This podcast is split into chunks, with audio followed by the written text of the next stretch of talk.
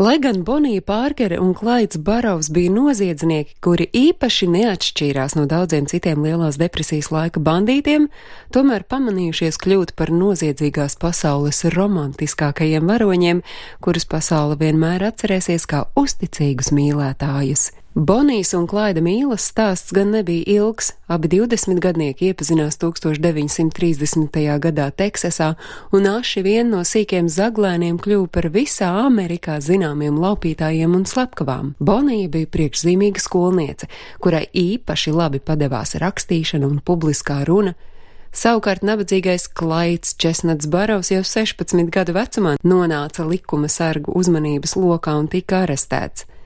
Bonijai bija raksturīgi neprātīgi iemīlēties sliktajos puišos, tāpēc par spīti labajām sekmēm viņa kopā ar klases biedru Roju Torntonu pameta skolu un sešas dienas pirms 16. dzimšanas dienas aprecējās. Laulība nebija veiksmīga, jo Rojam bija problēmas ar likumu, un lielu daļu laulības laika viņš pavadīja slēpjoties vai arī cietumā. Taču viņa oficiāli neizšķīrās, un nāvis dienā Bonijai vēl ar vienu bija laulības gredzens pirkstā. Savukārt Klaids Barovs piedzima ārkārtīgi nabadzīgā daudzbērnu ģimenē, kas bēgot no sūrās dzīves laukos pārcēlās uz Dallasas nabadzīgo ļaužu kvartālu. Klaids ilgu laiku tika cauri vien ar īslaicīgiem arestiem, bet, kad veiksme no viņa novērsās, puisis nonāca ieslodzījumā, un ieslodzījums Klaida ļoti izmainīja. Viņš iznāca brīvībā jau kā rūdīts noziedznieks. Cietumā, starp citu, viņš izdarīja pirmo slepkavību, nogalinot agresīvu kameras biedru, kurš vairāk kā gadu bija viņam seksuāli uzmācies. Ir dažādas versijas par to, kā Bonija un Klaids iepazinās, taču visticamākā ir tā, ka abi satikās 1930. gada janvārī kādā kopīgu draugu mājā, un tā bijusi mīlestība no pirmā acu skatiena. Jāteic, ka diez vai Klaida Barava nešpatnais pulciņš gūtu ievērību visā Amerikā, ja nebūtu Bonijas. Tas, ka kādā kriminālā grupējumā līdzās vīriešiem uzdarbojas jauna meitene, kur saista romantiskas attiecības ar bara vadoni, presē bija kamēdus maize. Un pavisam drīz Bonija tika padarīta par augstasinīgu noziedznieci, kura šaudās pa labi un pa kreisi acis nepamirkšķinot un itin visā tur līdzi večiem pat cigāru smēķēšanā. Šādu tēlu palīdzēja uzburt fotogrāfijas, kurās Bonija pozēja ar cigāru mutē un pistoli rokā.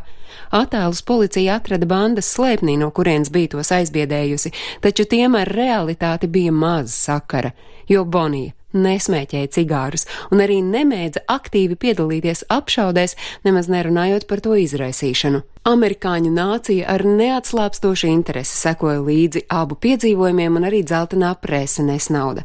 Viņi saviem lasītājiem piedāvāja ne tikai objektīvus faktus, bet tos krietni vien piepušķoja tādējādi radot iespējams romantiskāko bandītu tēlu visā pasaules vēsturē. Man kā Rīgā un Slavas karā pārīša nāve bija tikai laika jautājums, jo policijai bija dots uzdevums viņus neutralizēt visiem iespējamiem līdzekļiem. 1934. gada 23. maijā abus mīlniekus Luīzijānā ar viņu pašu bandas locekļa tēva palīdzību ievilināja lamatās. Oficiālā versija liecina, ka likumsargi viņiem piedāvājuši padoties, bet noziedznieki vilcinājušies un tāpēc deva pavēli atklāt uguni. Izdzīvot Bonijai un Klaidam nebija nekādu izredzu. Operācijā bija iesaistīti seši labi bruņoti policisti, un automašīnā vēlāk saskaitīja 150 ložu caurumu. Versijas, cik ložu atrastas, noziedznieku ķermeņos atšķiras, bet oficiālie sekcijas rezultāti liecina, ka Klaida ķermenī bijušas 17 šautas brūces, bet Bonijas 26. Lai gan viņi bija izteikuši vēlēšanos tikt apbedīti viens otram blakus, Bonijas ģimene to nepieļāva. Uz jaunās sievietes bērēm ieradās vairāk nekā 20 tūkstoši cilvēku, jo visi gribēja redzēt leģendāro personību. Arī klaida bēras bija plaši apmeklētas, jo abi bēguļotāji jau bija kļuvuši par valsts mēroga slavenībām. Viņiem patika nogalināt cilvēkus, skatīties, kā tie nosiņo, un no šiem skatiem gūda baudu. Viņi nekad nelaid garām izdevību patīksmināties par citu cilvēku nāvi. Šie divi nezināja, kas ir žēlums un līdzcietība. Tā pirms nāves soda policijai bija stāstījis viens no Bonijas un Klaida bandas locekļiem - Rois Hamiltons. Par šodienas notikumiem stāstīja Agnese Drunka.